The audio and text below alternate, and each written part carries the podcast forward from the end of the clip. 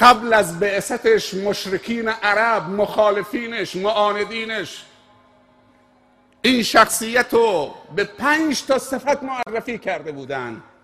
محمد امین محمد طاهر محمد صادق محمد حکیم. عاقل یعنی. محمد رحیم مهربان. هر رهبر امت اسلامی در ممالک اسلامی این پنج تا صفت رو داشته باشه اون پیغمبر گونه است. هر کدوم یکی از این صفت ها رو نداشته باشه سایر صفت ها رو به هم می‌زنه. تحت شعا قرار می‌داد می‌دهد. نباید یکی از این صفت ها از مصلح و بزرگ و مرشد و حتی عامه مسلمین. اما این صفات اگر در بزرگان و سیاستمداران و فرماندهان سیاسی و علمی و نظامی و انتظامی و مدیریتی ممالک اسلامی باشد هیچ قدرتی در مقابل اونها نمی‌تواند. امروز چیزی که بزرگان ممالک اسلامی کم دارند امانت هست صداقت هست. محمد امین این لقبی است که دشمنان بهش دادن.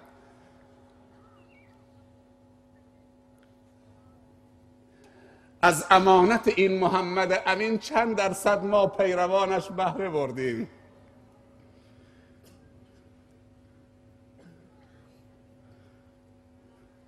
شما دیدی وقتی که یک مسیحی یا کشیش اسم عیسی مسیح می آورد کل مسیح هایی که نشستن همینطوری می کنند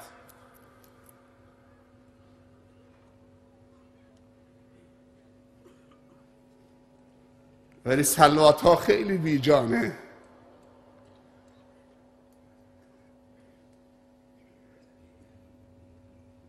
البخیل من ذکرت عنده ولم یصل علی. اجماعا یک صلوات محمدی غرقت بفرمایید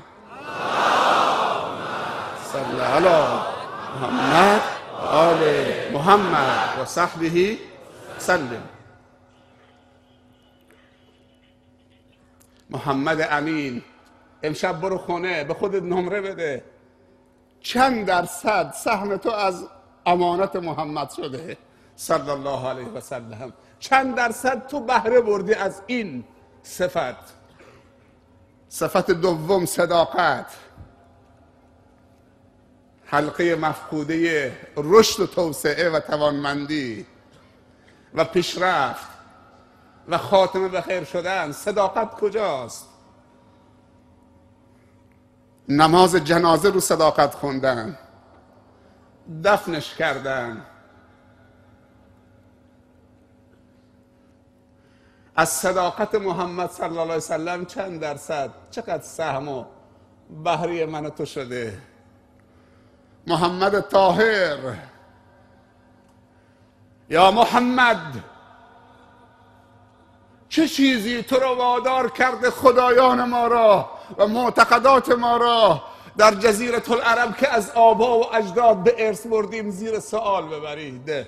کمبود پست و مقام دارید. تو را رئیس مکه می‌کنیم.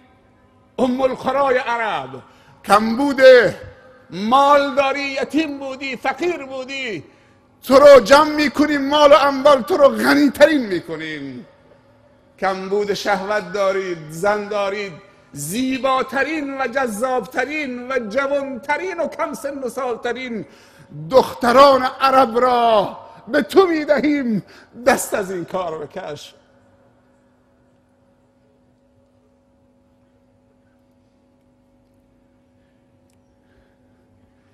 درست ما جمال یوسف مثال می‌زنیم اما مهر محمد چیزی دیگه هست.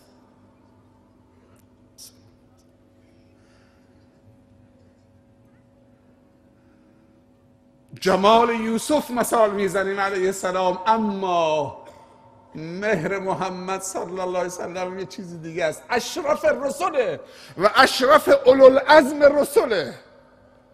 جبرائیل هم دست ادب بسته. جای رسیده که جبرائیل نرفته. جبرائیل فقط هفت معراج از ده تا معراج رفت. ستای باقی مانده تنهایی رفت. به صدرت المنتها و مقام قلم به عرش خدا به تنهایی رفت.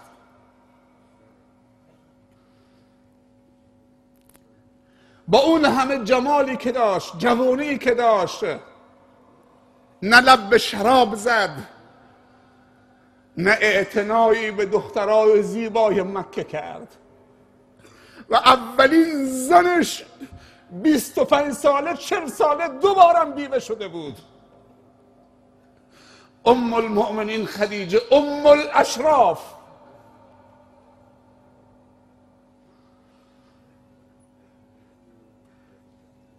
محمد امین محمد صادق محمد طاهر یکی از سنت هایی که برای تهارت و افت آورده ازدواجه. امروزه چقدر مسلمان ها در جشن ازدواج جوتار بی افتی می شوند در جشن افت در شب جمعه در جشن پاکی دچار بی افتی و بی ناموسی می شوند خیلی از دامادها هم در شب زفافشون سکران و مستن. خمر نوشیدن به گمان خودشون که فرشته آغوشی خوشبختی رو در آغوش گرفتن. خیلی از جوانای مسلمان در شب زفافشون سکرانن دستی ارکه سکرانه میگه تا شراب نباشه من نمی‌زنم نمی نوازم زن و مرد میرخسن. تا دم صبح جشن افت جشن ازدواج. عروسم رو مبل نشسته چراغانی کردن نیمه لوخته. از آرایشگاه که میاره همجور بوق می‌زنه تو خیابونا. شما شنیدید که بگن ماشین داماد نگاه کنید؟ شنیدید تو عمرتون؟ بچه ها بچه ها ماشین داماد نگاه کنید. من که نشنیدم. همین میگم ماشین عروس خانم رو نگاه کنید. راننده هم داماد بوق می‌زنه. این عروس من خوشگل نیست که شما نگاه نمی کنید از آرایشگاه دارم میارمش.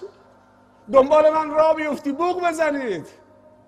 عروس منو تماشا کنید. بی افتی به کجا؟ بعد می‌خواد از کانال این زن به افت برسه. یک نکته درباره زن به این دامادای عزیز بگم. مجری برنامه حرف زیبایی نقل کرد. خیلی منو متاثر کرد. و اون دیپلمه عزیزمون که یک ماه پیش داماد شدن جزو همین قافله بودن آقای کمالی واقعا توصیه های زیبایی بود به این جوان ها که من فکر می‌کنم بهترین هدیه امشب به این عزیزان بود. منو خیلی متاثر کرد. قدیمای ما می‌گفتن به نقل این عزیزمون های رنجور دیگه اشتباه نگفتم؟ اگر دعای مستجاب می‌خواید برید از عروس دامادا و از عروس و دامادای که در شرف ازدواج یا دارن عروس و داماد میشن از اونها دعا بخواهید. این مصداق حدیث هم هست که پیامبر صلی الله علیه وسلم فرموده خداوند در حدیثی فرموده که من از سه نفر واجبه که حمایت بکنم. یکی از مجاهدی که در راه رضای من داره جهاد می‌کنه باید نصرتش بکنم. و دوم جوونی که رو به ازدواج آورده به قصد حفظ افت و شرم و حیا و پاک خودش نه همسرش. بر من واجبه که ازش حمایت بکنم. اگر از فقیره از فضل خودم غنیش می‌کنم. این یکون فقرا یغنهم الله من فضله. اگر خدا بر خودش واجب دونسته که از شما حمایت بکنه قطعا کسی که به سوی افت میره و مراسمش هم مراسم حفاظت بر افت و پاک دامنی است. دعاش واقعا مستجابه. چه سوژی زیباتر و برای خدا دوست داشتنی تر جوانی که در معرض شهوت و زنا و جهنم قرار گرفته بیاد شهوتش و افتش رو با همسر شرعیش مطرح بکنه و به رضای خدا برسه. چطوری خداوند از این حمایت نمی‌کنه؟ چطوری دعاشو مستجاب نمی‌کنه؟ اگر دعای پیری مستجاب بشه خود دیگه شهوتی نداره. دعای کسی مستجاب میشه که شهوت داره شهوتش رو کنترل کرده و دعا بکنه. خداوند از پیر با تقوا خیلی خوشش میاد اما از جوان با تقوا به مراتب خوشحالتر میشه. خداوند از جوانی که معصیت می‌کنه خیلی تعجب می‌کنه. ولی از پیرمردی که هفتاد سال هشتاد سالشه هنوزم میگه یالا دستمال بیار. هنوزم دل داره برای رقصیدن. جوان می‌خواد عروسیش اسلامی بکنه. مادر بزرگش نزد گرفته که دستمال بازی بکنه. نه! مادر بزرگش نزد گرفته.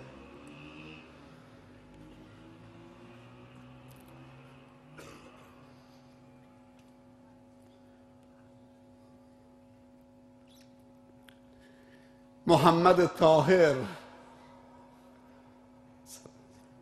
محمد عاقل حکیم. هیچ موقع حرف بیهوده نزد. حرف خلاف منطق نزد. سیزده سال نه صحبت از نماز و روزه و زکات و حج کرد. سیزده سال فقط رو فکر عرب کار کرد تا اون حس فکر کردن را درش بیدار کرد. وقتی که عرب فکر کردن و از نو به دست آورد جامعه جاهلیتی که فکر نمی‌کرد جاهل شده بود. چون فکر نمی‌کرد کور شده بود و جاهل شده بود.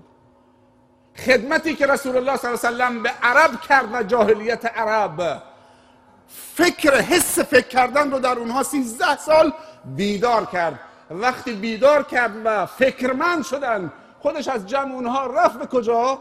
رفت و بزرگان قوم که منافعشون در خطر دیدن دیدن که چه؟ عموم مردم جزیره العرب دارن فکرمند میشن منافع مادی و مقام و منزلتشون داره چه؟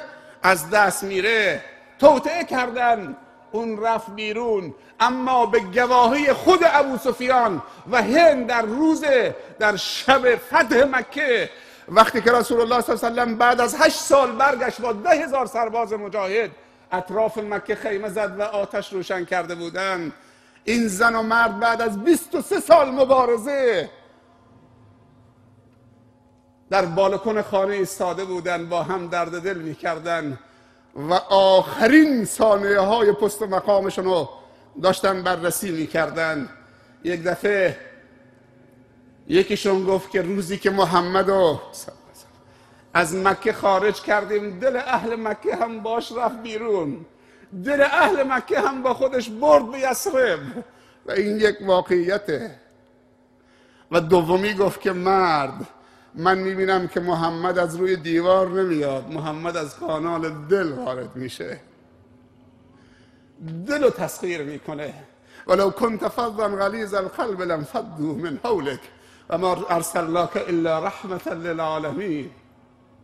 واقعا رحمت مهداتی بود.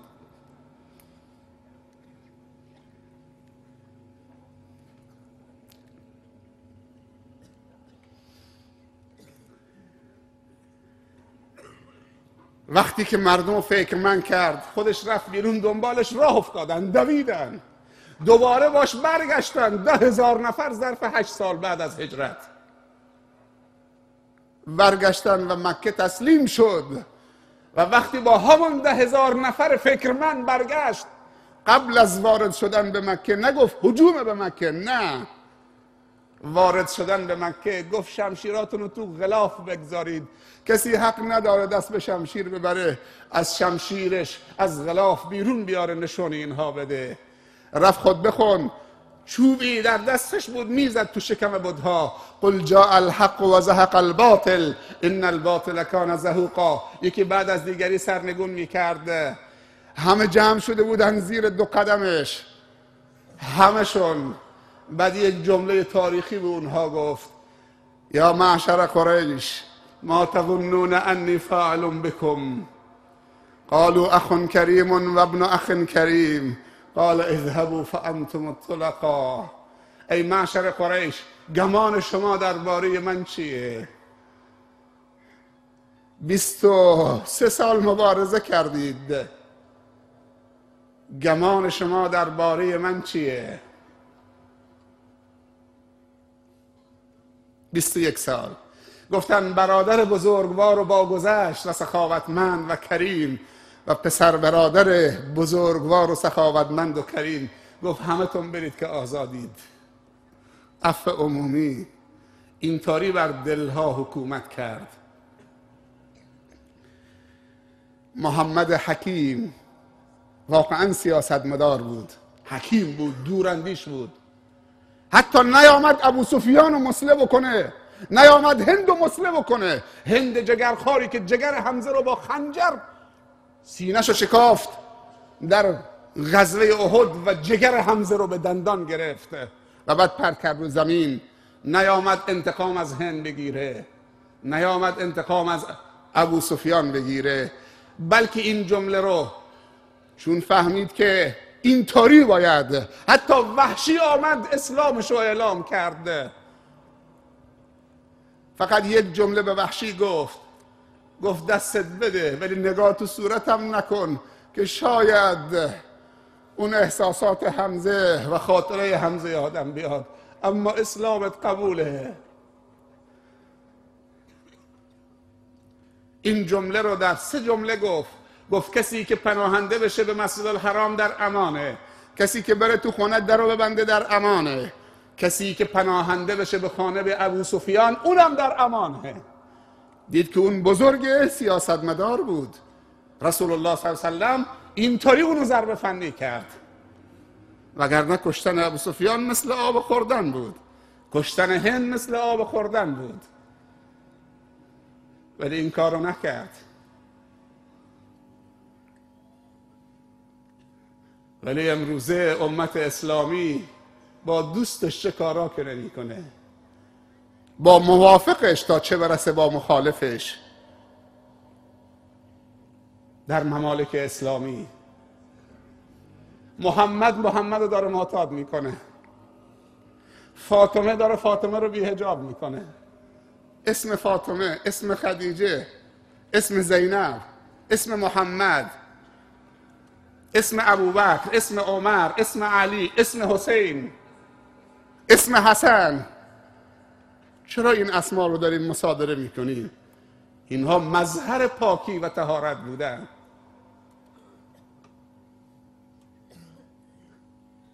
در کشور ما که کشور اسلامی است که کافر نیست اینجا.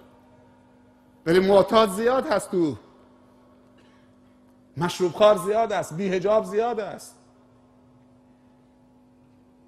خیلی از مسلمان ها حتی خمر و مشروبات دستساز دارن تو خونه ها می‌سازن.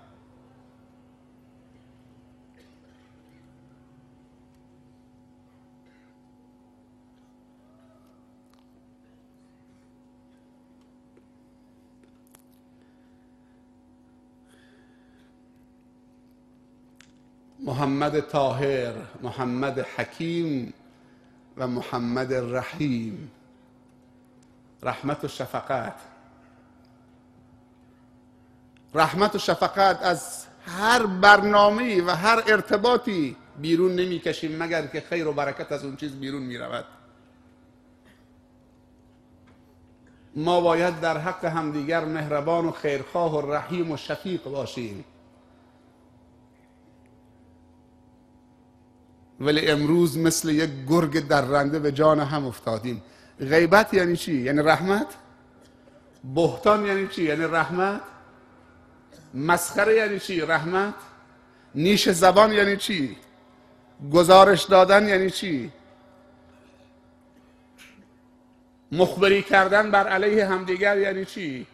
ایجاد نفاق و تفرقه بین همدیگر یعنی چی؟ یعنی رحمت؟ یعنی شفقت یعنی مهربانی پرخاشگری بی ادبی بی افتی آیا جامعه ما کمبود این چیزها دارد؟ یا کمبود صلح و صفا و آرامش و عشق و علاقه به همدیگر؟ تا همدیگر رو دوست نداشته باشیم نمی‌تونیم به همدیگه خدمت بکنیم. باید عاشق هم باشیم تا خیرخواه هم باشیم نمیشه دلمون از همدیگه متنفر باشه بعد بگیم ما دلسوز همیم. این رحمت وقتی از دل حیات دل محبته و حیات عقل فکر کردن مثبته.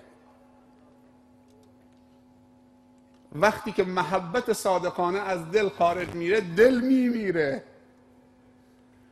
خدا دل داده که دوست بدارین و عقل داده که فکر کنین و مثبت فکر کنین با فکرمون بد فکر نکنیم که ضربه می‌خوریم. با دلمون دشمنی نکنیم.